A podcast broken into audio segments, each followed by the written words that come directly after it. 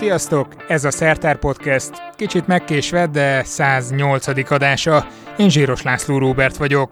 Ma egy olyan témáról lesz szó, amit eddig szinte egyáltalán nem érintettünk. Nézze, egy sertésnek négy lába van. A gazdaság egy megkerülhetetlen elemével foglalkozunk majd, történelmi kitekintésekkel. Azok az időkre is visszaemlékszem, akkor volt a kötelező beszolgáltatás. És jelenkori trendekkel. Ez a digitalizáció és ez a mesterséges intelligencia meg megy előre, megy előre, és nem lehet megállítani. Bár a mai vendégemmel a múlt heti első rovaripari konferencián találkoztam, és az eredeti felvetés az volt, hogy nézzük meg, hogy hogyan lehet egy új, bármilyen agrárterméket bevezetni a piacra. A magyar fogyasztói réteget egy kicsit megpiszkáljuk, megvizsgáljuk, azért a több alcsoport is van benne. Azért ennél általánosabb érvényű elvekre is kifutott a beszélgetés, mint például arra, hogy mi kell egy jó mezőgazdasághoz. Dr. Fehér István a Szent István István Egyetem Gazdaság és Társadalomtudományi Karának professzor emeritusza volt a vendégem, de mielőtt átadom neki a szót, köszönöm a támogatást azoknak, akik a patreon.com per szertár oldalon hozzájárulnak a sorozat működési költségeihez.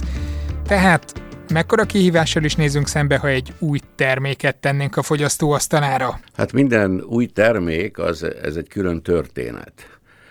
Régebben, mikor nem volt ilyen fejlett a mezőgazdaság és az élelmiszeripar és a kereskedelem, akkor nem kellett félnünk, hogy túl sok termékkel fogunk találkozni, de legutóbbi ismereteim szerint például az Amerikai Egyesült Államokban havonta ezer új élelmiszer és italtermék kerül a piacra.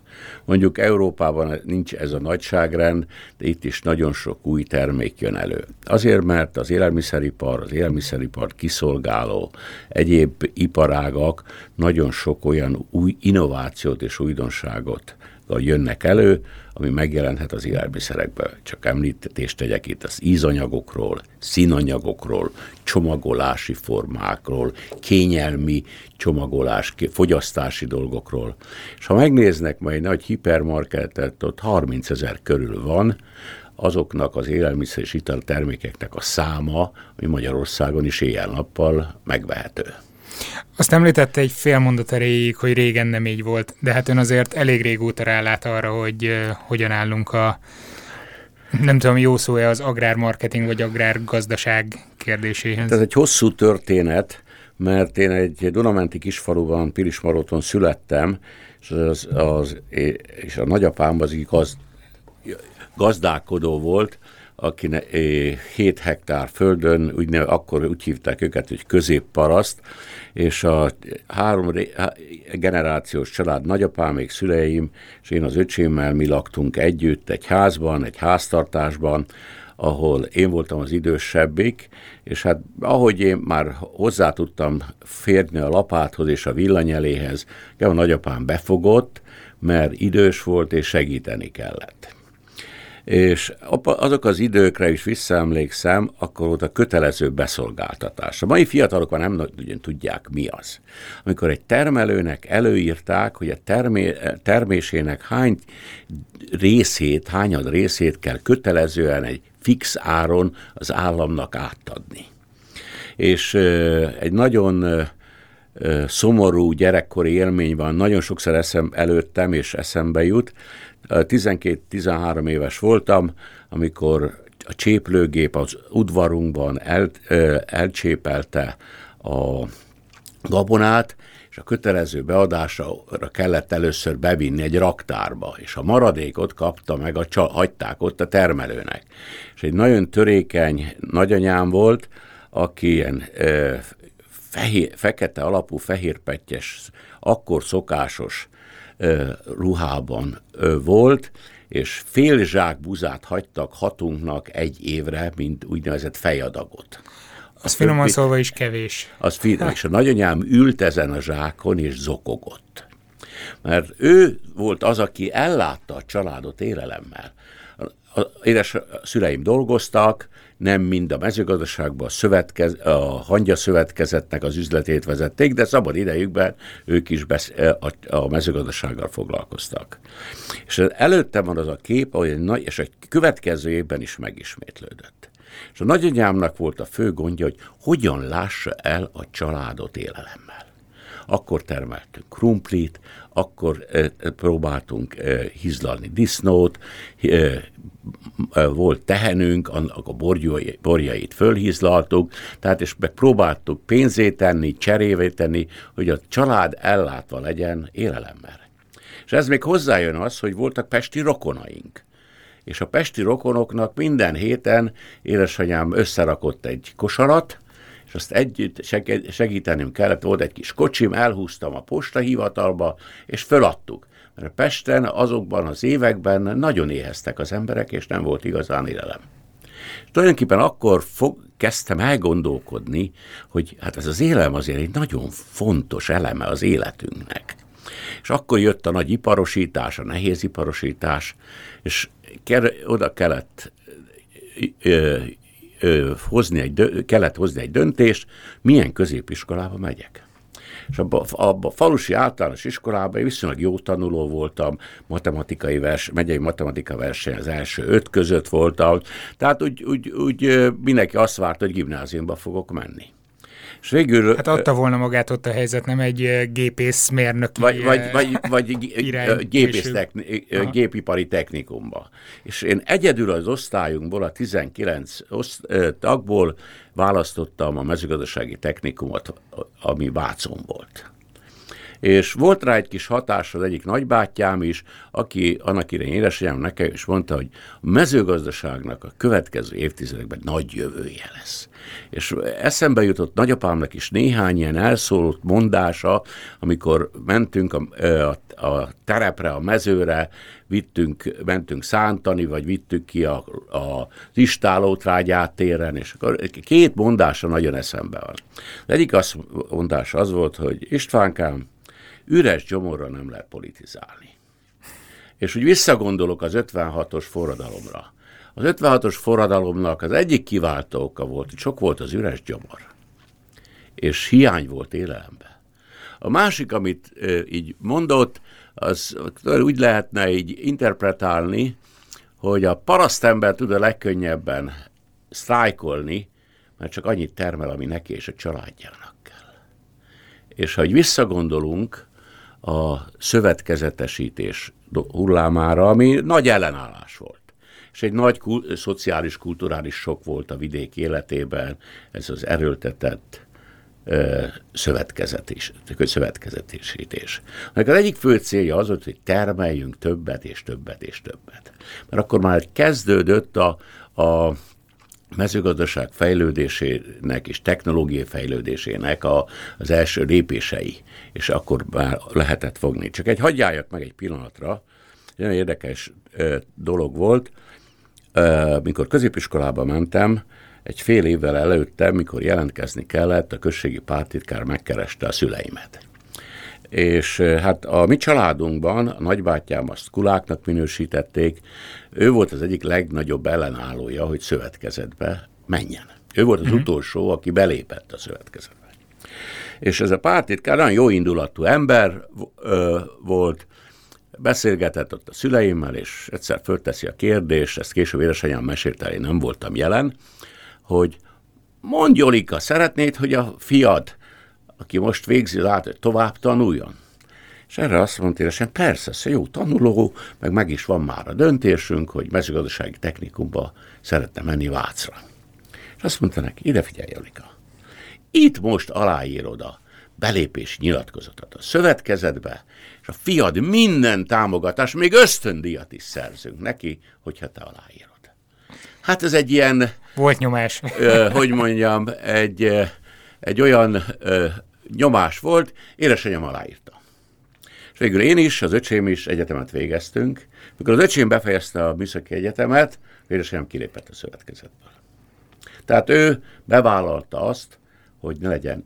Ott volt előttünk egy rossz példa, a nagybátyám, akinek a fia pár évvel idősebb volt, mint én, nem engedték tovább tanulni végül egy ilyen szak, szakmunkás képzőbe tudott elmenni, mert az édesapja nagyon ellenállt, meg a családja a szövetkezetben való belépésnek. Ez egy érdekes momentum abban az időben, ezt kevesen tudják, kevesen emlékeznek rá, és utána azt is el kell ismernem, hogy, hogy a szövetkezetek, mikor kezdték az aranykorukat érni, akkor azért lehetett látni ennek a pozitív hatását a vidék társadalmában. Uh-huh. Több jövedelem, új házak, modernizált házak, fürdőszobák, és így tovább, villamosítás, jobb infrastruktúra. Tehát valahogy ez az erőltetés később úgy jelent meg, hogy pozitívvá vált. Pozitívvá vált a háború utáni falusi meg, meg magyarországi életkörülmények, meg életszínvonal függvényébe. Tehát így eljutottam a Váci mezőgazdasági technikumba, és ott végeztem a tanulmányaimat 56 és 60 között. És akkor kezdődött a mezőgazdaságnak a modernizálása. És innen egyenes út vezetett Gödöllőre, a Gödöllői Egyetemre, és nagy szerencsém volt, nem csak nekem, a többi osztálytársamnak, egy nagyon jó középiskolába kerültünk, ahol nagyon szigorúság volt, kollégiumban laktunk, ez egy nagyon érdekes dolog volt, hogy tulajdonképpen úgy visszagondolva előttem az a lehetőség át, hogy vagy én a falumba maradok, és oda kötődöm, vagy én a falumból kitörök valamerre és szélesebb területre fogok menni. És azért sikerült kitörni, hogyha egy kicsit ugrunk előre, nem is maradt Magyarország határain belül egy időre. Igen, és ennek lehet, hogy akkor az én génjeimben valamik voltak. Már emlékszem rá, 14 éves koromba, nyáron, ez 56 nyarán volt, elküldött az iskola Csillebérsze úttörő táborba és két hétre én ott egy nemzetközi úttörő táborban voltam. Ez volt az első találkozásom a, a, kicsit a nemzetköziséggel, meg a mássággal. A másik találkozásom pedig az volt, hogy édesanyám egy nagyon nyitott asszony volt, és akkor na- nagyon sok endékás, fiatal biciklivel jött Magyarországra, ez a 60-as években volt már, és ahol laktunk, a házunktól nem messze, egy 30 méterre volt egy közkút, amit így nyomkodni kellett, és abból bárki vihette a vizét, mert mm. nem volt mindenkinek vízvezetéke, vagy kútja otthon. És édesanyám ment ki a falu szélén volt egy kertünk, ahol termeltük a zöldséget, meg a családnak a szükségletét, és két fia jött hazafelé, hozta a, a zöldségeket egy hátikosárban, és két fiatal NDK-s gyereket átottak útnál, és nyomogatták a vizet. Édesanyám valami néhány mondatot tudott németül, behívta őket egy málna szörpre. És ebből a behívásból végül egy nagyon hosszú barátság fej, alakult ki ezekkel a NDK-s fiúkkal. Tehát volt valami az én környezetemben, amiért afelé irányított, hogy nyitottság és látni többféle dolgot. Amit később aztán be is következett az én életemben, majd erről egy pár szót szólok, mert több mint 60 országban jártam. És a középiskolában nagyon erős gyakorlatorientáltságunk volt, nagyon példaképnek tekinthető tanáraink voltak, és nagyon szigorúan fogtak. A középiskola elvégzése után Gödöllőre kerültem, ott már nekem a gyakor... volt már vontató vezetői vizsgám is, mert megszereztük a középiskolát, mm-hmm. traktor tudtam önállóan vezetni. Az akkoriban, most közben ezen gondolkodtam, hogy én ugye kertészmérnökként végeztem, ezt meg is jegyeztem, amikor bejöttünk, hogy nem lehet mindenki tökéletes, hogy nem gödölőre jártam. Viszont ha végignéztem mondjuk az én évfolyamomon, hogy hányan voltunk olyanok, akik mezőgazdasági háttérrel mentünk, én nem egyébként, Régen mi volt ilyen szempontból a helyzet? Többen jöttek olyanok, akiknek eleve mezőgazdasági Igen, hát kötődése volt? vissza, 1960-61. Akkor kezdődött tényleg a szövetkezeteknek a föllendülése. És a mi évfolyamunk Gödöllőn, a mezőgazdasági agrármérnöki évfolyamunk 220 hallgatóval indult, és 200-an végeztünk. Uh-huh. És ennek nagy része vidéki volt. Akkor nagyon sokan felismerték azt a helyzetet, hogy a mezőgazdaságban van jövő. És nagy része az évfolyam társaimnak olyan helyre került, és fiatalon, gyorsan vez, főagronom és főállattenyésztő, TS elnök helyettes, állami gazdasági igazgató, üzemegységvezető. Nagyon hamar, ha valakiben volt egy kis és jó felkészültség és talpra esettség, nagyon hamar vezető állásba került. Uh-huh. És, és viszonylag jó anyagi körülmények is közé került. Bár akkor volt több 2000 szövetkezet, vagy 2500, meg 150 állami gazdaság, szóval lehet, volt benne köztük jó, közepes, rossz, de nagyon könnyen lehetett jó állást találni. Például az én szülőfalumban is engem is hívtak, oda egy régi úgynevezett uh, uradalmi tisztigazdát hoztak főagronomusnak, de elég idős volt pár évig volt ott, külön volt egy program, hogy ezeket visszahozzák a mezőgazdaságba, hogy segítsék a mezőgazdaságnak a fejlődését és, és szerveződését. Meg nagyon sokan a belépett tagokból kinőttek. Akkor nagy program volt a levelező, mezőgazdasági technikumot végezni, és így tovább, és tovább. Tehát akkor lehetett már látni, hogy a mezőgazdaság tudásigényű, tudásorientáltságú lesz. Az lett? Az lett, nagyon az lett, mert ha megnézzük a mezőgazdaság, mi kell egy jó, egy jó mezőgazdasághoz.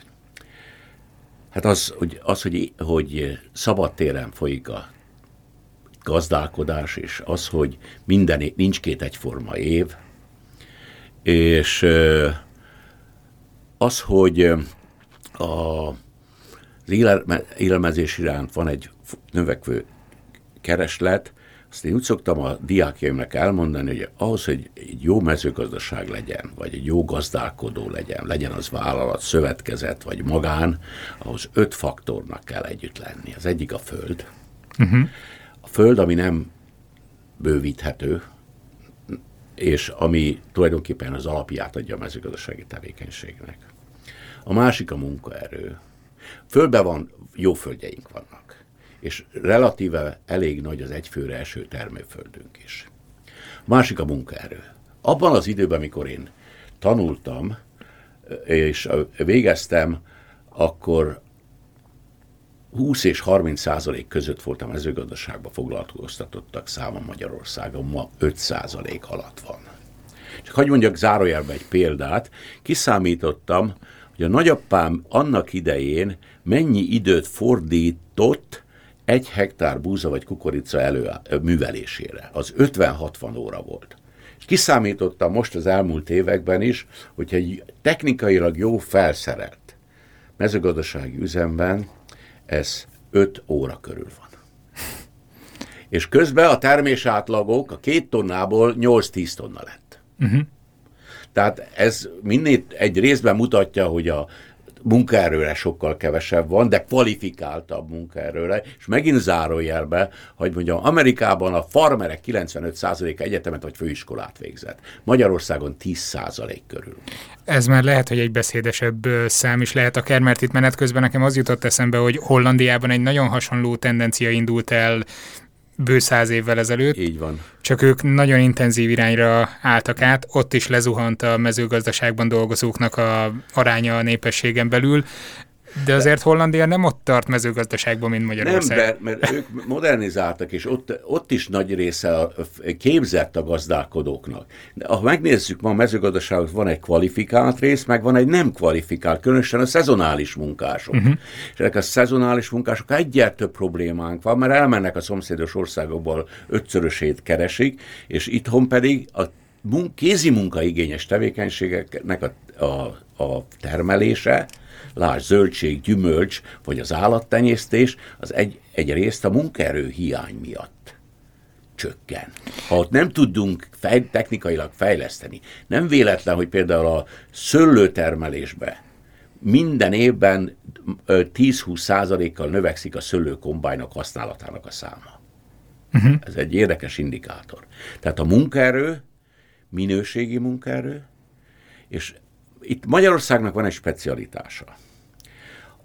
A föld tulajdon és a használata elvált egymástól, csak kanyarodjunk vissza a földhöz. Nem azok művelik a mezőgazdasági terület nagy részét, akik tulajdonosok. És tulajdonképpen ez egy nagyon érdekes kockázati tényező a mezőgazdasági termelésnek, mert befolyásolja a harmadik tételt, a tőkét, uh-huh. beszéltünk a földről, beszélünk a munkáról, és a munkáról és a föld összefüggésében a tőke, mert a mezőgazdaság egyben tőke igényes is. Megint hagy mondjak el egy példát, hogy ezt illusztráljam. Ahhoz, hogy valaki megvegye és használja a mostani 40-50 millió forintot, vagy többet érő kombányt, amiben GPS van, és, és légkondicionálás és egyebek, ahhoz számításaim szerint 1200-1500 hektár kell betakarítani egy hónapban. Tehát az azt jelenti, ha nekem 200 vagy 100 vagy 300 hektáron van, én soha nem fogom tudni ezt egyedül használni. Ez vagy egy gépkör kell, vagy együttműködés, vagy most úgy az újabban a tudományban megjelent olyan, olyasmi, hogy megosztott sharing Hát, mint ahogy autót, biciklit, mindenfélét megvan, a gépesítésnél is elő, előkerül ez, mert ahhoz, hogy ne legyen veszteség, hogy precíziós, ezt a technikát kell megvenni. Tehát a tőke, mint olyan. Na most kérdezem, hogy ha valakinek nincs földtulajdona, csak bérel, azt a bank nem fogadja el? mint, mint biztosítékot és egyebeket. Tehát a mezőgazdaságnak a föld, mind a finanszírozás egyik eszköze, az kiesik. Jó, jött az európai támogatás, ami megint nagyon jó, és nagyon jó az, hogy aki műveli a földet, az kapja. De földtulajdonos ebből mindig részesedik. Mert ahogy a, nőtt a mezőgazdasági támogatás, a földbéleti díjak szintén úgy nőttek. Tehát mit jelent ez? Hogy a mezőgazdaságból a tőke elmegy a nem mezőgazdaság. A mezőgazdaságba termelt tőke el, vagy elmegy a nem mezőgazdaságba. Tehát egy de, de alakul ki, és sok helyen ezért szenvednek a mezőgazdasági termelők, hogy nincs elegendő forrásuk, hogy megvegyék ezt az új technikát is. Tehát a harmadik a föld, vagy a tőke. Ön elég sok nemzetközi szervezetnél is dolgozott a pályafutása során. Máshol hogy oldják meg ezeket a problémákat? Uh, egyrészt a banki rendszer... Hogy mennyire vagyunk egyedül ezzel a de problémával, inkább ezt kérdezem. Több közép nyugat-európai országban is így van ez, de ott nem, ott na, jobban föl van tőkésítve. Jobb, jobb tőké, több tőkéjük van, és a banki rendszer az sokkal előbb fölismerte, mint Magyarországon a mezőgazdaságban rejlő finanszírozási lehetőséget. Ma már Magyarországon is a bankok tülekednek és szeretnék a mezőgazdasági termelőket finanszírozni, de ugyanakkor például dolgoztam Világbanknál, ott nagyon ellene voltunk minden olyan kezdeményezés, hogy agrárbank legyen. A világon sehol nem találtunk olyan agrárbankot, ami nyereséges lett volna, és előbb-utóbb mint csődbe ment. Ez akkor viszont nagyon ellentmondásosnak tűnik így első olvasatban. Igen, azzal, amit nem lehet kiemelni egy ágazatot, és a bank, miből finanszíroz a bank? Amiket betéteket beteszek oda. Uh-huh. Betették az agrártermelők egy kereskedelmi bankba tőkéjüket, mert ott magasabb kamat volt, mivel a mezőgazdasági finanszírozás, hitelezés az nagyon támogatott volt az állammal, ott nem volt magas betéti kamat, hmm. és ez egy ellenérdekeltséget. Sok államban, például az észak-afrikai államban azért kellett, hogy az állam támogatni akarta a mezőgazdaságot, mert a probléma ott volt, hogy nem volt elég élelmiszer, és mindig eszembe jutott a nagyapám mondása, hogy üres gyomorra nem lehet politizálni, és az, az agrárbank arra kellett, hogy ezt az, az állami pénzt eljutassa a termelőkhöz. Tehát ez a harmadik faktor. A negyedik faktor, itt jön a tudás és az innováció. És, mana, mana... és itt jön az a különbség, amit mondott az Egyesült Államok beli ö, így, gazdák, illetve a magyarországiak. Így van. Így van. Végzettségek tehát, e, tehát ez, és ma Magyarországon én, aki 30 éve egyetemen tanítok, és sajnos, és tanítok egyben Amerikában is, és Toulouse-ba is, a Toulouse-i mezőgazdasági egyetem. Szóval azt látom, hogy legalábbis Amerikában és különösen Franciaországban nagyon sokan nem vidékről jövő agrár érdeklődésű. Mert egész mássá vált az agrárszakma ezzel a modernizációval és az innovációval.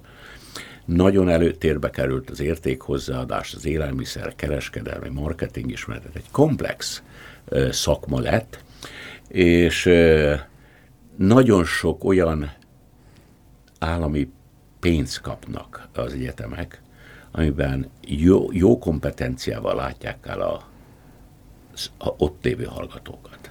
Hát nekünk sok mindent kell még pótolni ezen a területén. A tangazdaságok, a gyakorlóiskolák, a, például a francia egyetemen, ahol dolgozom, ott kötelező minimum három hónapot külföldön gyakorlatra törteni. Az öt év alatt a francia diák 82 hetet tölt gyakorlatta, nálunk 12-t. És ebből három hónapot, 12 hetet minimum, de általában fél évet a hallgatók külföldön törtenek. Most erről személyes tapasztalat jutott eszembe, hogy én másfél évig voltam az Egyesült Államokban, dolgoztam ott gyakornokként, és amikor visszajöttem, hiába arborétumokban meg botanikus kertekben voltam, nem fogadták el nekem azt a másfél évet, és ki kellett mennem az egyetem soroksári nem tudom, tanüzemébe vagy arborétumába azt a három vagy hat órát, amennyi ki volt jelölve dolgozom. Tehát, hogy Majd erre még kicsit nonsens volt. Mit gondolok de... erről a külföldi tanul, tanulásról és, és gyakor, gyakorlásról. Tehát az innováció és maga a digitalizálás jön erősen a mezőgazdaságba. Hogyha visszagondolunk egy kicsit az elmúlt év, évszázadokra, 1900 évekig három nagy innovációja volt a világnak. Az egyik a villamosság, villam, villam, villany, a másik a belső égésű motorok, a harmadik pedig a folyó csapvíz a WC-be és az konyhába. Ez volt, a, és a negyedik nagy innováció, ami már a, az elmúlt 50 évben jött, ez a digitalizáció. De ahhoz is kellett az előző uh-huh. nek a megléte. És ez a digitalizáció és ez a mesterséges intelligencia gyerek megy előre, megy előre, és nem lehet megállítani. Hát nekem azt tűnt fel, hogy most a Rovar konferencián pénteken az egyik kérdés a közönségből épp egy informatikustól származik, aki származott, aki azért jött el a konferenciára, hogy feltérképezze, hogy milyen lehetőségei lesznek neki informatikusként ezen a területen. Teljesen releváns volt a felvetés. Ma már olyan robotok működnek, és olyan technikák működnek. E, mondjuk ez nem mezőgazdasági, most mondok, mikor az Amerikai Egyesült Államokban tanítottam, nekem egy térdimplantátumot raktak a térdembe robottal. Ó. Oh robottal. És hát fantasztikus volt az eredmény. A harmadik hónap végén táncoltam, a hatodik hónapban bicikliztem vele. És ma telje, pont a napokban volt egy éve, hogy ez a műtét bekövetkezett, és, és robottal csinálták. Ki, kizárják a fertőzést, hogy maximálisan testre szabott, szervezetre szabott műtétet és, és implantátumokat, egyebeket csináljanak. Na de hát ez a ne térjünk el a, a témától, az innováció továbbra is kulcskérdés. Az innovációnak lehet egy korlátja, az pedig a méret. Ugyanis a mező, magyar mezőgazdaságnak kettős arca van. Van a nagyobb méretű, közepes méretű, viszonylag jól működő, jó méretű gazdaságok. És van a kicsi, nagyon kicsi, ahol nagyon, ahol domináns sok helyen, aminek én nagyon ellene vagyok, az őstermelés. És az őstermelés az eleve be, bebetonozza az őstermelőket, hogy ne fejlődjenek. Ez egy nagyon kellemes adózási lehetőség, de nem tud igénybe venni semmilyen olyan fejlesztési támogatást, mint ami az EU-tól jön, mert három éves könyvelési adatokat kell bemutatni, meg egyebeket. Tehát sok példát is tudnék mondani, nagyon sok embernek az a dilemája most különösen, akik idősebbek lettek, hogy hárman a családban őstermelők voltak, hogy hogy legyen a fiúkból egy gazdálkodó, aki, aki fejlődni tud, és nem egy helybe tapog, nem használt gépeket, meg, meg bérelt gépeket vesz például. De ötödik téma, ami nagyon, nagyon fontos, és itt kapcsolódik a rovaripari konferenciához, hogy milyen piaci hozzáférésem van. Ma mindenki többet termel, mint ami neki kivéve a nagyon kicsiket. Uh-huh. Ez a piachoz való hozzáférés vagy, vagy kapcsolódás egy kulcskérdés. Mert ha ezt nem, a termése, termékeimet nem tudom eladni, akkor tárolnom kell, az tönkre megy, a mezőgazdasági termékek azok elég könnyen romlanak, egy-két évig van olyan, mint tárolható, tehát a piaci kapcsolatok, és itt jön a marketing, itt jön a kereskedelem, és Magyarország nem csak belföldre állít elő. Megnézzük a világ trendjeit, élelmiszerfogyasztási, meg itt rendjeit. Az export a 60-as évektől képest sokszorosára nőtt, és az import, export-import tevékenysége a mezőgazdasági termékeknek. És a másik, hogy a belföld. A belföldön nagyon jó, jó az ellátásunk. A ma Magyarországon nem azon múlik, hogy, hogy, hogy ki mit teszik, hogy van vagy nincs, hogy mennyi jövedelme van. És tulajdonképpen ez a, a mezőgazdasági nagyon korlátozó tényező is. Ha nekünk nem lenne exportunk, én fiatal kutató voltam, amikor az még a szocializmus idején kiszámoltuk, hogy Magyarországnak van 10 millió lakosa, és Magyarország alapvető élelmiszert el, előállított már akkor 15 millió embernek. Tehát az ment a volt Szovjetunióba, az ment a szomszédos országba, az ment exportra, azt termelte annak idején a devizát, hogy, hogy fejleszteni tudjuk az ipart és, az, és a többi tevékenységet, hogy, hogy konvertibilis devizánk legyen. Tehát ez egy nagyon fontos eleme, hogy nézzük meg, a kereskedelemben mit látunk? Koncentráció. A mezőgazdaság fragmentált. Tehát a mezőgazdaságban szükséges lenne közös platformok, értékesítési platformok, szövetkezés, szövetkezet, közös vállalkozás. Ez viszont elég rossz szájészt hagyott maga után a korábbi rendszerből, nem lehet, hogy Igen, ez az de el kell szakadni az emócióktól. A, a föld kérdés is Magyarországon inkább emocionális, mint gazdasági kérdés. A szövetkezet is ilyen negatív emóció, aminek tulajdonképpen egy evolúciónak kéne lenni, és a mostani körülményekhez kellene alkalmazni és alkalmazkodni rá. Mert lehet az élelmiszert fogyasztásra, megnézzük, három nagy csopó alternatívája van. Az egyik az ipari méretű, nagy tömegű tömegtermék. Ez körülbelül a lakosság 35-40 százaléka így fogyassza az élelmiszert. Gondoljon bele, 20-30 év múlva 25 orsz, város lesz 10 millió lakosnál több. Ott mindenki csak kétszer eszik naponta, micsoda logisztika, tárolás és szervezés kell ahhoz, hogy ezek hozzájussanak az élelemhez. És a városi lakosság száma növekszik, a vidéki lakosság száma csökken. És Ugyanakkor tudjuk pótolni az intenzívebb termesztés technológiákkal a munkaerőhiányt, nem? Így van, de ha megnézzük a másik csoportot, a másik csoport az lehet olyan 10-15 százalék aki a helyi érelm, e, e, saját maga, a biotermékeket, egyebeket próbál, azzal ellátja magát, de ők se tisztán. Van egy harmadik csoport, ami a kettőnek a, a hibridje és keveréke. Van, amikor a tömegtermékhez nyúlok valamikor a speciális helyi, átlátható, jó minőségű, természetes alapanyagokból előállított és áttekinthető termékek felé. Tehát csak megint egy amerikai példa, egy amerikai hátlag háziasszony ma 15-20 percet tölt a konyhába. Minden termék előkészített. Csak a melegítőbe kell betenni. De hát ha összehasonlítja ezt azzal, amit otthon az édesanyja vagy a felesége csinál, igaz, hogy ő két órát tölt a konyhába, ízben és tápanyagban egészen más. Tehát van egy ilyen megosztottság is a, a, a csoportok között, akinek megvan ez az alternatívája, alternatív élelmiszerbeszerzése. De, és van egy másik trend, hogy az állati eredetű fehérjék iránt egyre növekszik a a kereslet. Egy államba vagy országba, a jövedelem növekszik, ott egyenes arányban növekszik az állati eredetű fehérje fogyasztása is.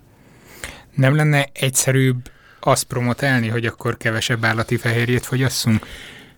Most itt gondolom a rovar téma Ez egy érdekes dolog, de a szervezetünknek szüksége van.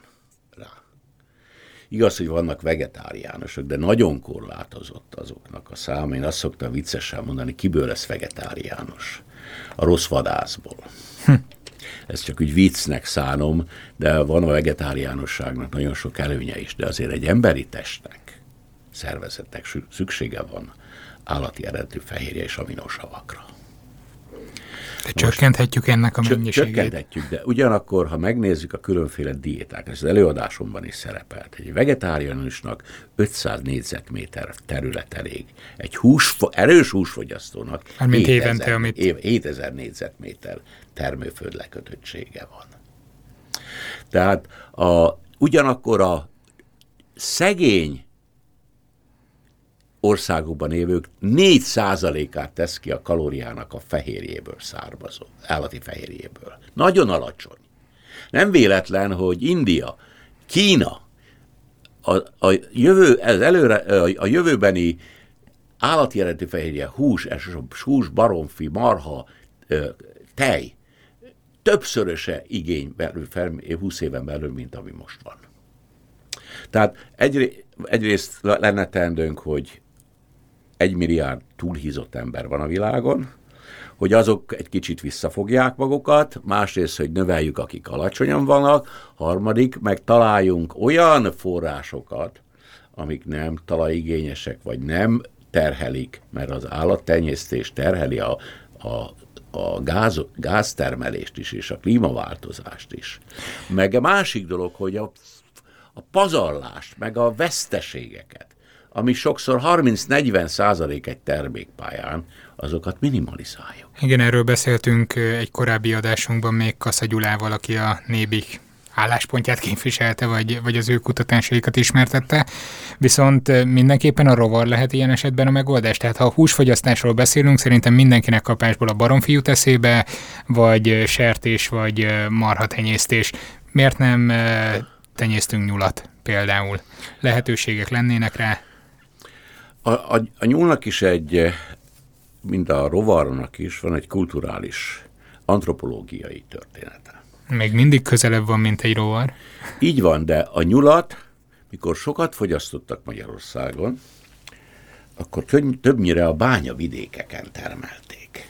Ugyan a bányászoknak ez volt a, a kiegészítő tevékenység, amik a saját élmezés, meg eladásra is adták. És ez ott volt a ház szélén ahhoz könnyű volt a útmenti füvet, vagy a legelőket, vagy a kisebb részt megcsinálni.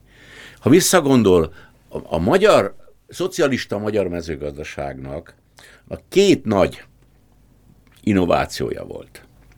Az egyik a háztelj és a nagyüzem együttműködése, szimbiózisa, a másik pedig a nem mezőgazdasági tevékenységek bevezetése, a, a mezőgazdasági tevékenység mellé, ami a, fo- a foglalkoztatást és a jövedelmet biztosította. Ma úgy hívjuk ezt, hogy vidékfejlesztés. Akkor nem hívtuk így, de egy nagyon fontos eleme volt a vidéki munkaerő foglalkoztatásának. Az első a szimbiózis a kisáll, kisüzem és a nagyüzem között. Mit, mi történt? Én Duravarsányban dolgoztam több évig, és nekünk egy nagy integrációnk pont a nyúlal. 5000 anyanyúlunk volt. A világ legnagyobb nyúltelepe az én felügyeletem alá tartozott. A világ minden részéről fogadtunk oda látogatókat.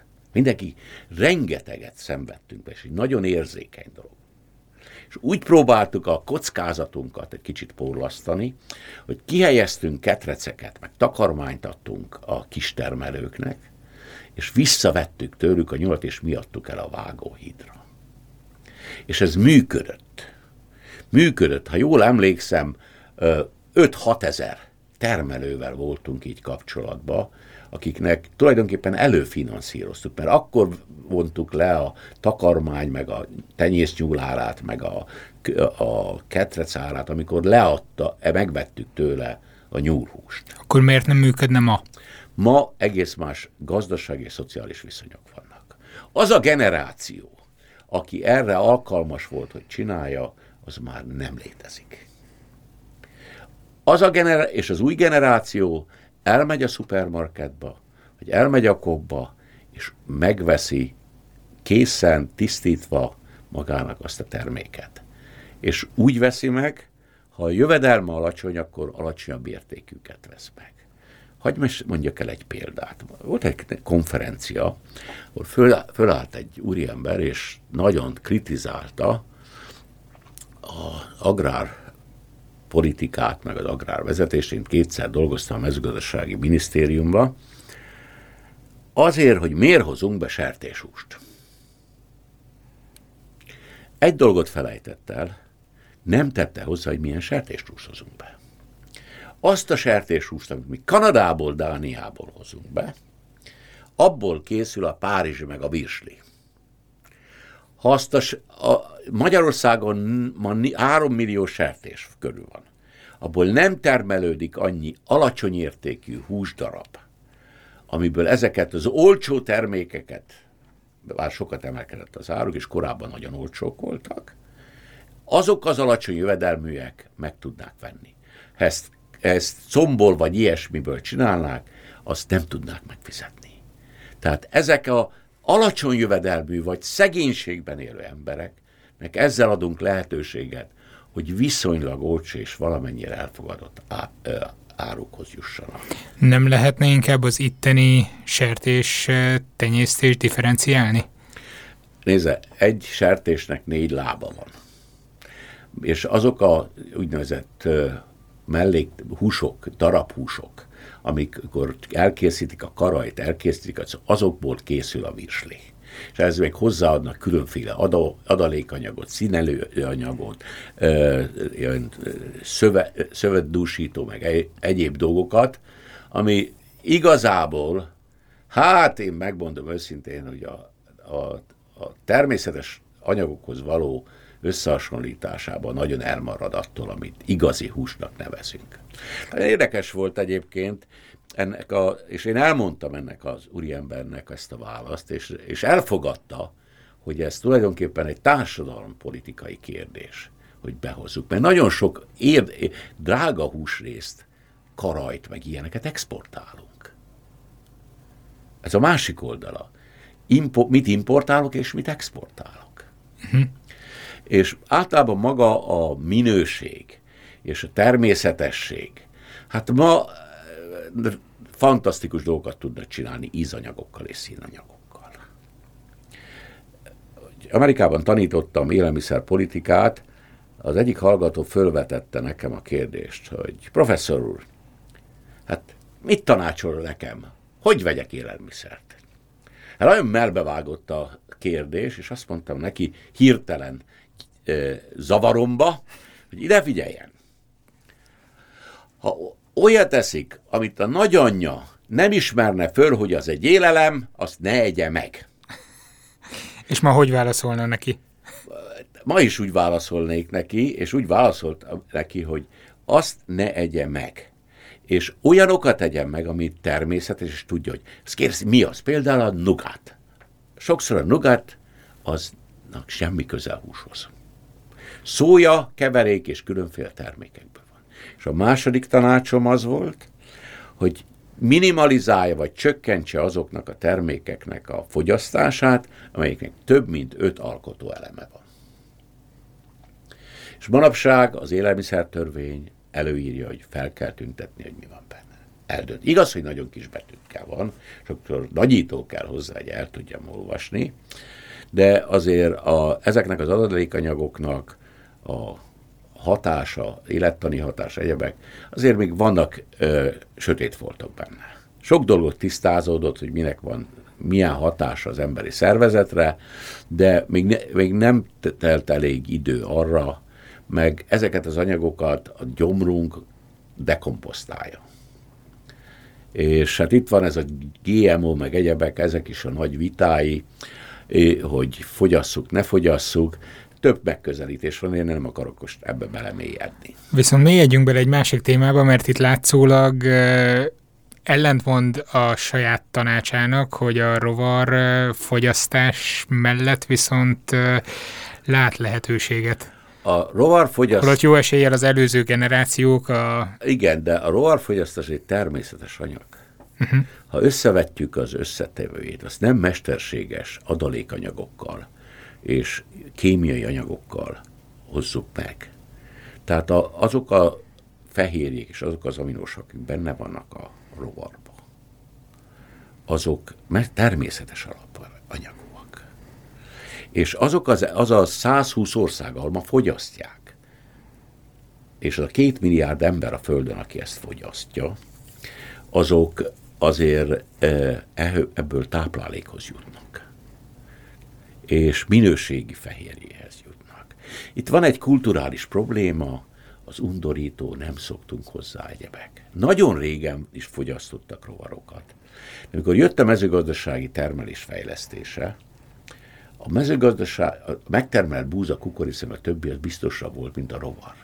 Mert volt egy e, rossz év, időjárásilag a rovarok eltűntek. Nem lehetett venni.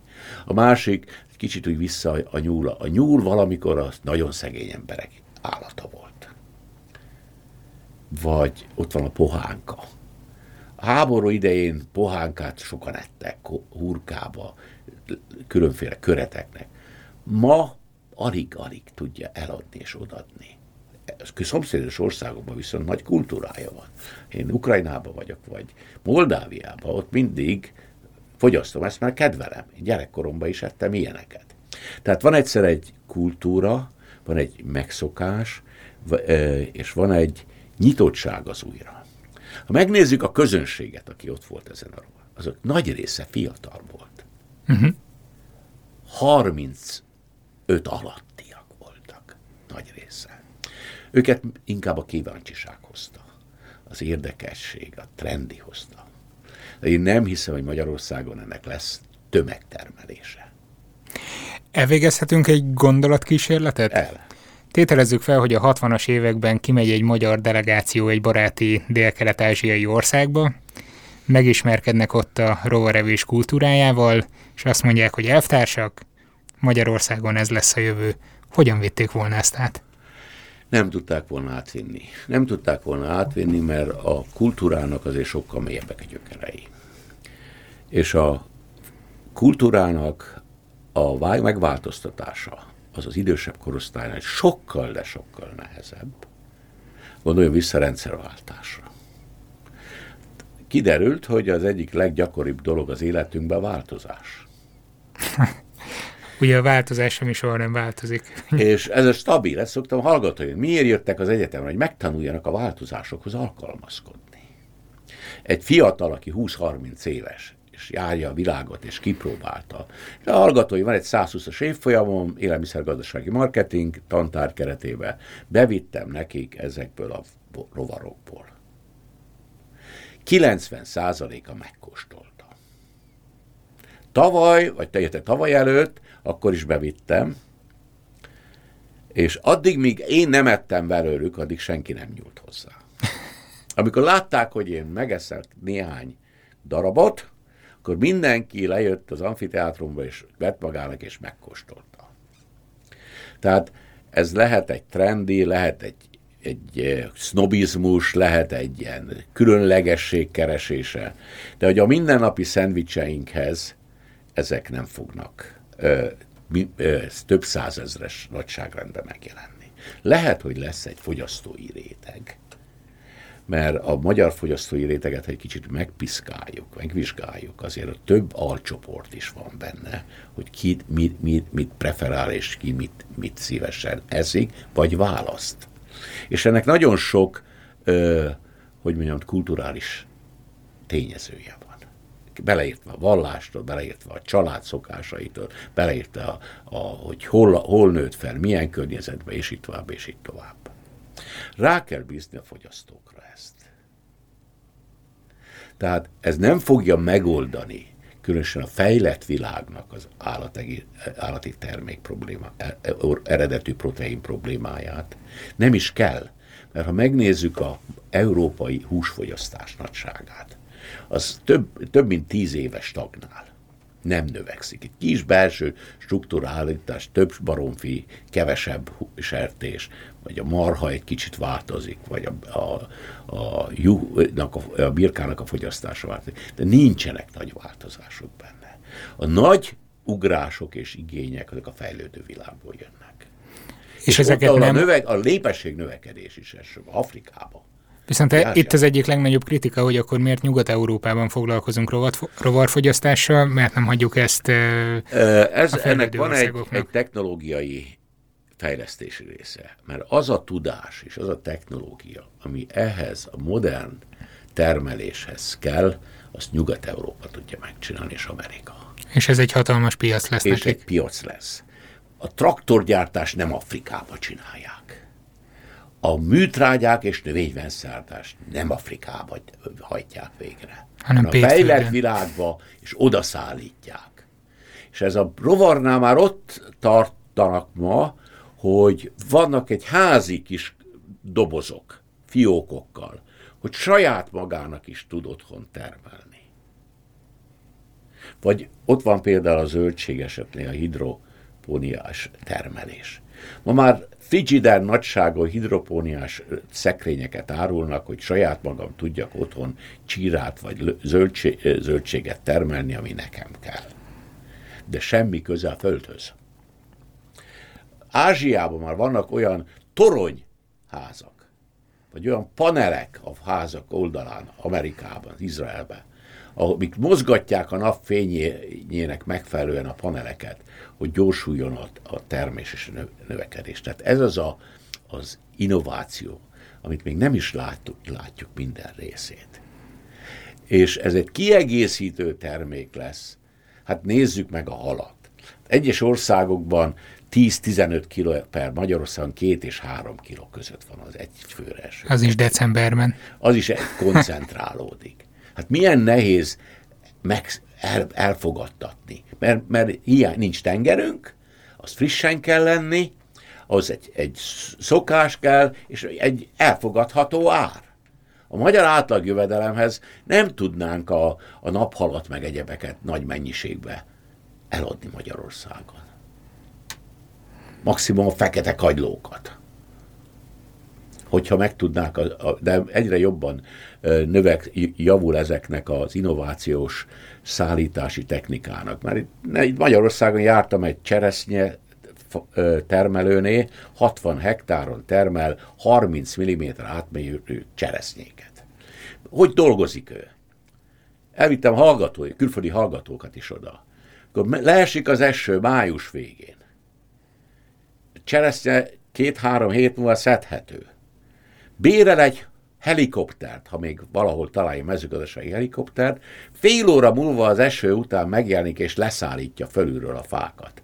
És a, a fasorok között pedig ö, olyan ventilátoros növényvédő gépekkel működik, hogy szintén szállítsa, hogy ne robbadjon szét a, szerecse, mhm. a cseresznye, mert ha szétreped, a cseresznye nem veszik meg tőle. És ha van benne egy nyű, azt se veszik meg olyan ö, új módszerekkel próbálja befogni, hogy, hogy ivar-specifikus ö, illatanyagokkal le, befogja az, a hímivart, és utána nem szaporodik. Megoldja, hogy nem, nem kerül bele a, a nyű a, a cseresznyébe, a cseresznyelénynek a, a petéje.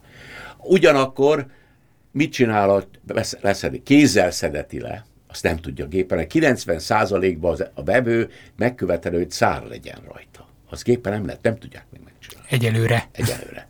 De az beviszi egy mosóba, ott beteszik a mosóba, megszárítják, fehér köppenyes emberek figyelik és nézik a dolgot, és rákerül egy osztályozó szallagra, amin két kamera, kamera van, internet, illetve számítógép vezérléssel két színre és három méretre válogatja ki. Emberi kéz nem nyúl hozzá.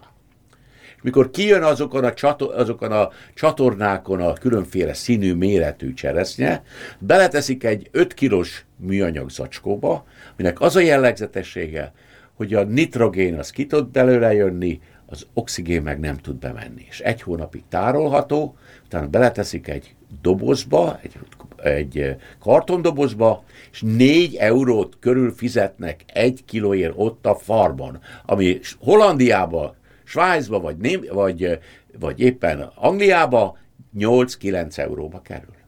Na, hát itt a hallgatóim nyitva, nyitva maradt a szájuk, mikor meglátták ezt.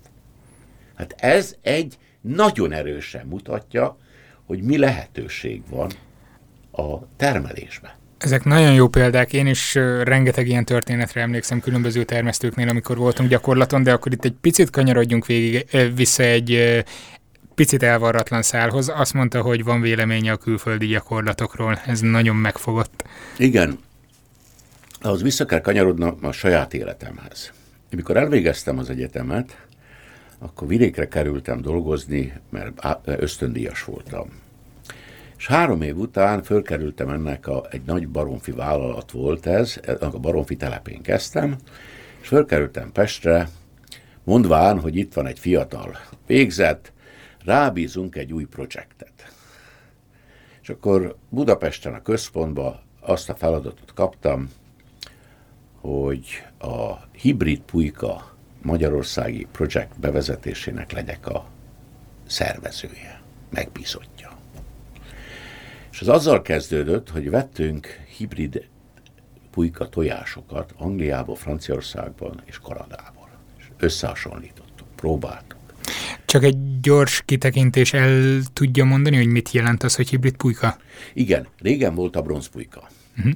ami szabadon, mint a kapargálos tyúk, úgy tartottuk. És egyre nőtt, különösen Nyugat-Európában, a broiler csirkéhez hasonló egyforma, jó húsminőségű, jó húsformájú, kevés csontot tar- tartalmazó pulykák iránt igény. Magyarországon volt akkor jó sok kukorica, volt takarmányiparunk, hiányoztak azok a telepek, amik később megépültek, több százezres nagyságrendbe, Ma Magyarországon 3-4 millió, ha jól emlékszem, de lehet, hogy már 5 millió pulykát termelnek, akkor alig volt pár százezer, és az is a bronzpulyka volt. Uh-huh. És először behoztunk tojásokat, azokat itt keltettük ki, és azt vittük a termelőkhoz, és utána a baromfipar megvette. És akkor ebből ki, kialakult egy vagy két tenyésztési központ, egyik Pécset, másik Nádudvaron, és akkor az utána nagyszülő, szülő, az egész termékpálya kialakult. Ez volt a cél. És rám bízták ezt a dolgot, és én az egyetemről úgy jöttem ki, hogy tanultam oroszt, meg tanultam németet. És rá kellett döbbenjek, hogy ez egyik se használható. És akkor beiratkoztam egy francia nyelvtanfolyamra heti tíz órába. Négyszer két és fél óra. Szerda kivételével, meg szombat, vasárnap, minden este mentem a francia műszaki intézetbe, tizen voltunk ilyen intenzív nyelvtanulás. Elnézést lehet, hogy nem tartozik de... közvetlenül, de mennyire volt ez akkor egyszerű? Már mi? Egy nyugat-európai nyelvet tanulni. A franciák nagyon nyitottak voltak ebbe. Aha. Angolban nehezebb volt, és drágább volt, nekem nem volt pénzem, és ez nagyon minimális összeget kértek francia, a Franciaországba. Jó, csak... És ö, pár hónappal a tanfolyam kezdése után Budapesten, a Gresham Palott előtt összefutottam egy volt tanárommal, aki a minisztériumban főosztályvezető. Hát akkor tessék belegondolni, ez 68, akkor volt az első gazdasági reform. És a gazdasági reformot nagyon jól fogadta Európa. Nagyon sok ösztöndíjas, kutatói, egyéb lehetőséget ajánlottak a Magyarországnak, mint egy reformországnak. És mondja ez a volt tanárom, hogy szépen figyelj István, több lehetőség van, és nincs emberünk, aki nyelvet tud. Érdekel téged ez? Mondom, igen. Februárban meg, és akkor hol dolgozott? Elmondtam neki. Februárban a titkárnő fölhívott, hogy szeretne velem beszélni, volt tanárom, és a, be is kapcsolt a telefonon, és azt mondja, hogy itt van két lehetőség. Egy Dél-Franciaországban, Montpellierbe, agrárgazdaságtan, agrárfejlesztés, a másik növénytermesztés, öntözés, Bariba, Olaszországban. Itt a lehetőség lehet pályázni rá.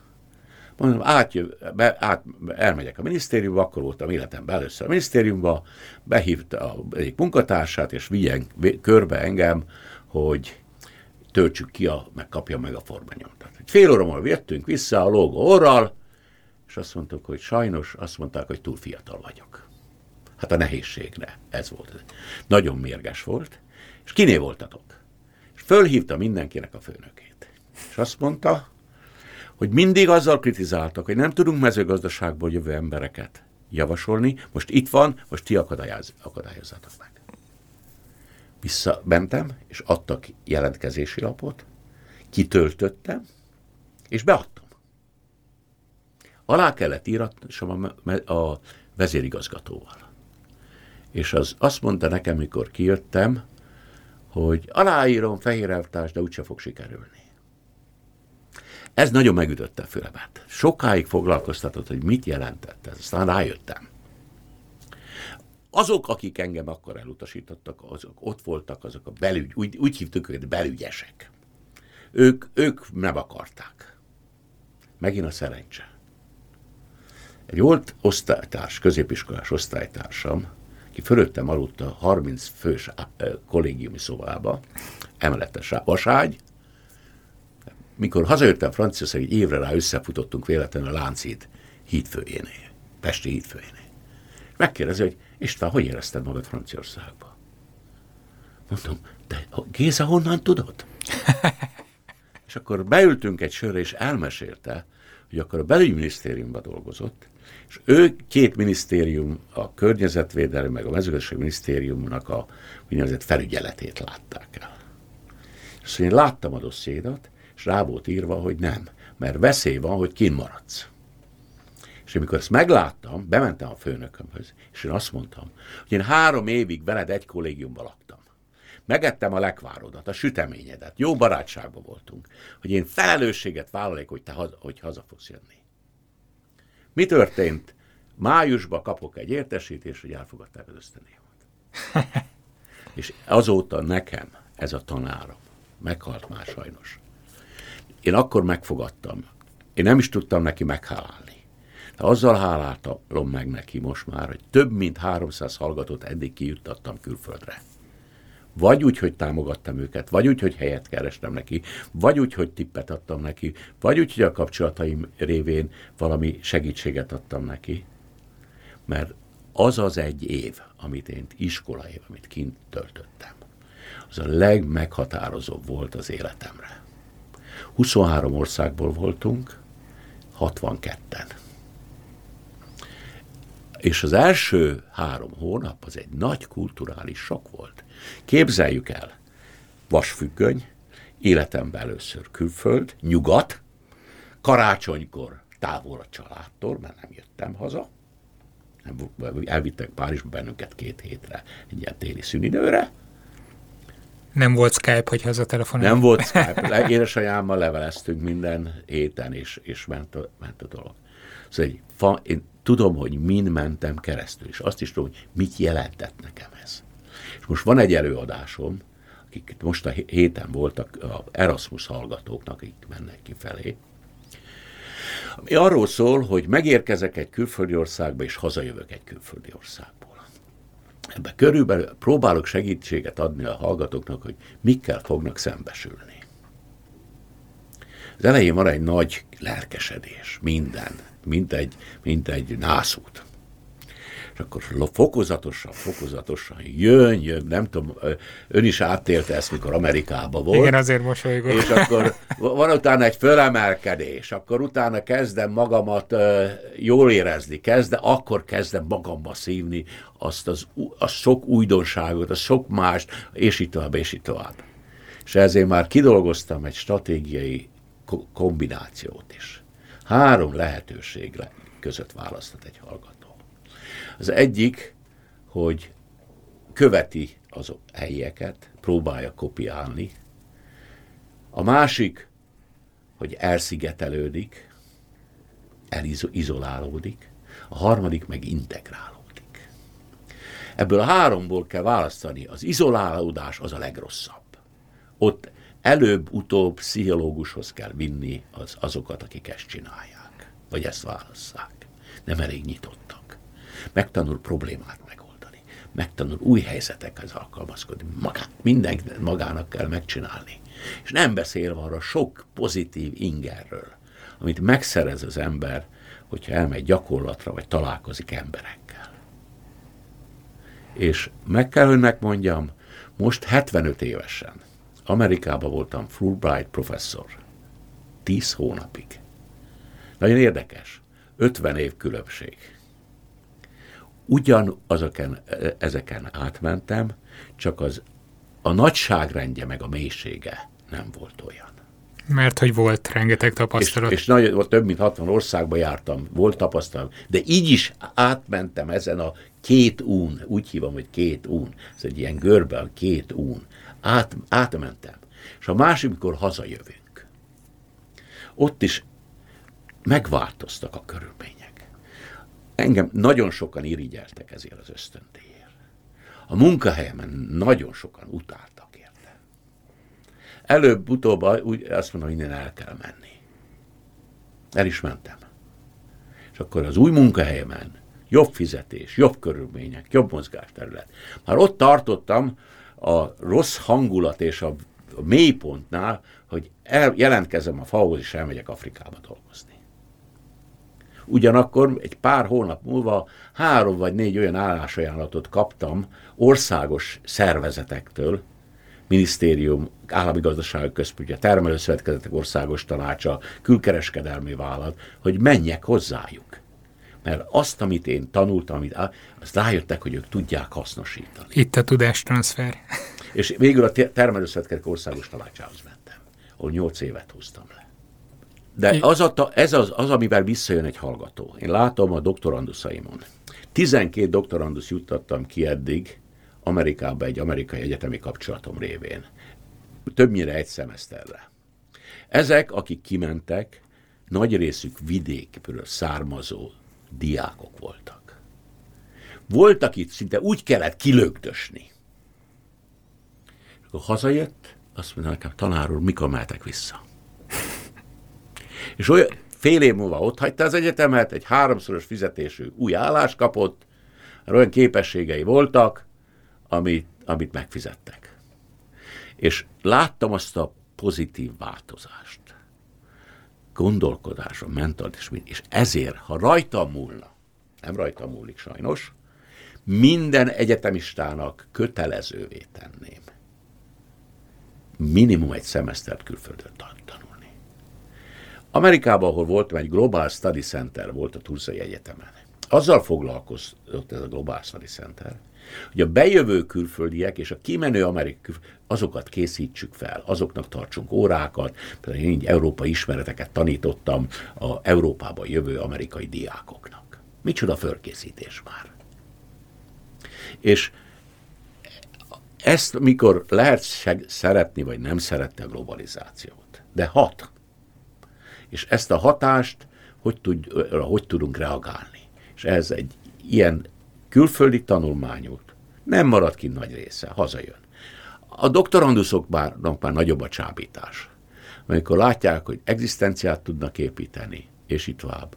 Amerikában nagyon sok közép-kelet-európai PH, volt PHD-s, aki már amerikai állampolgár lett, kutató lett, oktató lett, karriert épített, ők nem jönnek haza. Igen, az elég gyakran szóba jön, amikor beszélgetünk különböző vendégekkel, hogy mit ad hozzá a kutatói karrierhez, mondjuk egy külföldi ösztöndíj lehetőség, vagy sok év után visszajönni, milyen megváltozott szemléletmóddal áll hozzá az ember a munkához. De még egy gyors kérdésem lenne a végére, vagy meglátjuk mennyire gyors. Ha mezőgazdasági felsőoktatást nézzük, hogyan, hogyan csábítaná ma a diákokat, mondjuk középiskolásokat, hogy srácok, lányok, ezért érdemes idejönni hozzánk mondjuk a szíjére, vagy bármelyik agráregyetemre? Nagy gondom van erre válaszolni, úgy röviden. Ugyanis ma a középiskolákból jövő hallgatók úgy három csoportra sorolhatók. Nagyon jók, ez kb. egy harmad. közepes, szintén egy másik egyharmad, és nagyon rossz, aki majdnem rámerem mondani, egy funkcionálisan alfabéta. És ez szomorú. Itt a középiskoláknál kell kezdeni.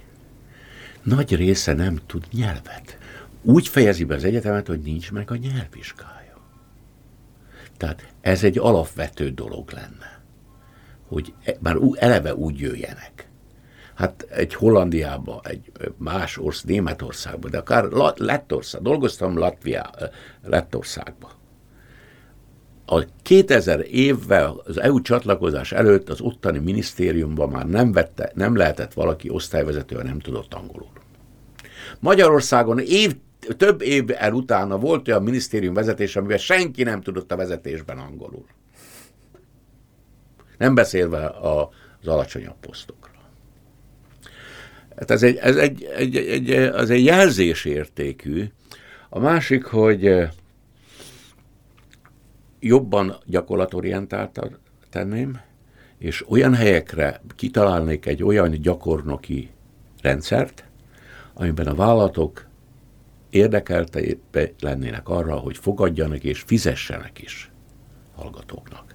Ez megvan, több európai országban megvan a rendszere, és jól működik. A hallgató is valamit beletesz, kap valami kis kompenzációt, és, és utána állás, állás lehetősége is van. De az európai munkaerőpiacon, akik ilyen gyakorlat, és az én hallgatóim közül is, sokkal könnyebben és gyorsabban és jobb, jobban helyezkednek el, akik voltak mondjuk Erasmusszal. Mert ma nagyon sok lehetőség van. Szent István Egyetem ebben nagyon előjár. A külföldi, a, a, a második legnagyobb Erasmus büdzséje Szent István Egyetemnek van. Működik ez, most nagyon, nagyon, nagyon belendültek. De már 15 éve csinálják mások. Uh-huh. A másik, hogy kellenének olyan, ha elmegyek ma egy vágóhídra, vagy egy tejtermelőzembe, amit előír az élelmiszer biztonság, hogy milyen cipőt kell, hogy adjanak, milyen köppenyt, milyen sapkát, egyebek, az maga, az a, az a ruha, amit nekem adnak, az 5000 forint. És kézzél, elviszek 20 hallgatót, az 100 ezer forint. Ezek a vállalatok nem szívesen dobnak ki. Két csoportot, ez már 200 ezer forint. Tehát vannak ilyen anyagi részei, szervezési részei, meg ösztönzési részei. Tehát a, az utánpótlás nevelés az, az, az egyebekben nem csak a sportba kell el odafigyelni, itt nagyobb szükség van rá. És itt, és itt ö, sokszor a hallgatók nem is tudják, hogy mi, mivé válhatnak. Szóval, hogy mi, mi lehet belőlük. Ma nagyon sok olyan szolgáltatási helyre mehet agrármérnök, ami korábban nem volt. Ott például erős, ott muszáj a nyelv, muszáj az informatika ismeret, és muszáj a marketing ismeret.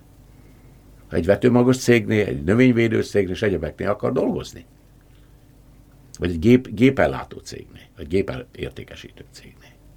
Tehát sokféle lehetősége van, vidék, nem beszélek a vidékfejlesztésről, élelmiszeriparról, és itt tovább, és itt tovább.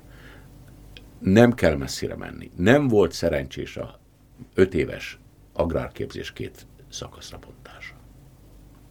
Meg kellett volna hagyni a főiskolai szintet, és meg kellett volna hagyni az öt éves agrármérnöki szintet.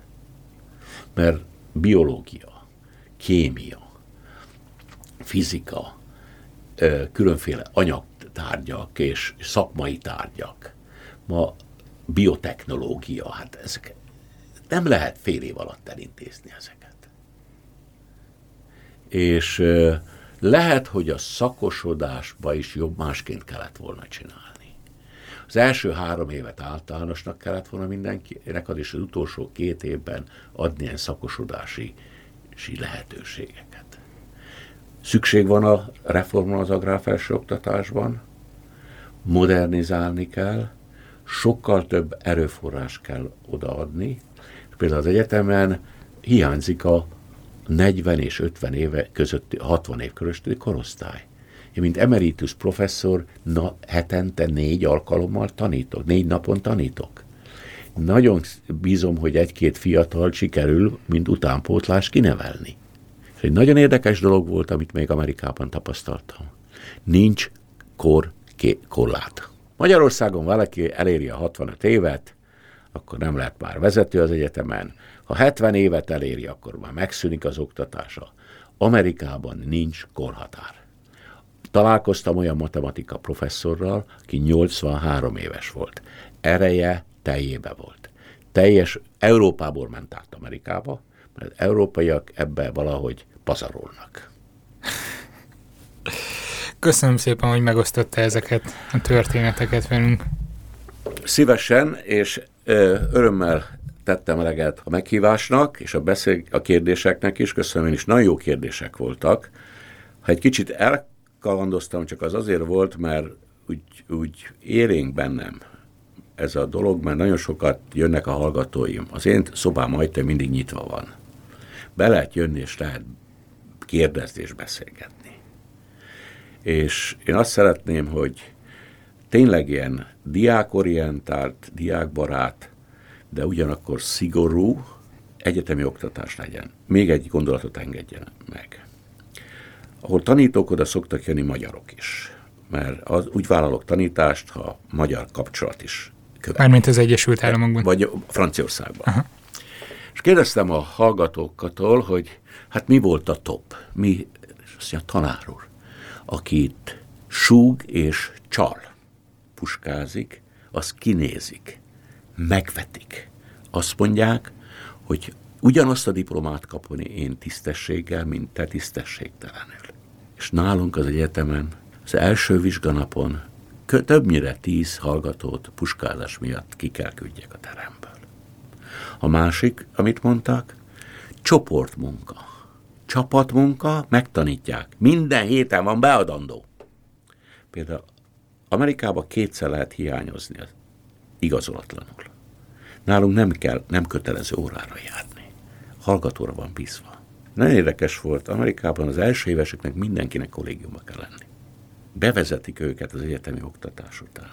Hogy nagyon érdekes volt, és szeretném megvalósítani nálunk, megvalósulna nálunk is. Úgynevezett írásközpontok voltak az egyetemen. Ha valakinek egy eszét kellett beadni, vagy diplomatervet, ebbe a Writing Centerbe megvoltak a nyitvatartási idők, be lehetett menni. Megtanították őt adatot gyűjteni, adatot elemezni, fogalmazni, szerkeszteni, és olyan, olyan dolgokra, ami a szellemi termék előállításnak a fontos eleme. Például ez nálunk hiányzik. Hát lenne még hova fejlődnünk. Köszönöm szépen, hogy itt volt. Szívesen. Ez volt a Szertár Podcast 108. adása. A következőben Farkas Róbert lesz majd a vendégem. A neve talán onnan lehet ismerős, hogy ő az a grafikus, aki fejébe vette, hogy ovisoknak csinál majd asztrofizikai mesekönyveket. A sikeres Indiegogo kampányáról egyébként mi is beszámoltunk itt, azóta viszont voltak fejlemények. Például egy nagy könyvkiadó is felfigyelt rá, és most már a sorozat második része is elérhető magyarul. A következő adásban, várhatóan hétvégén tehát vele beszélgetek majd. Hogy le ne maradjatok, azt javaslom, hogy iratkozzatok fel a Szertár Podcastre valamelyik mobilos podcast alkalmazásban, vagy a soundcloud.com per szertár oldalon. Természetesen minden adást ingyenesen elértek ezeken a felületeken a hozzájuk tartozó jegyzetekkel együtt. Az ingyenes persze nem jelenti azt, hogy ne lenne rengeteg munkám ezekkel, így ha hozzájárulnátok az adások működési költségeihez, akkor a patreon.com per szertár oldalon várom a támogatásaitokat, amiket nagyon szépen köszönök. Rövidesen újra találkozunk itt, addig is kövessetek Instagramon, Twitteren, RBLC81 néven, vagy iratkozzatok fel a YouTube csatornámra, amit Laszlo Robert Zsíros név alatt találtok meg. Szép hetet, sziasztok! Ez a műsor a Béton közösség tagja.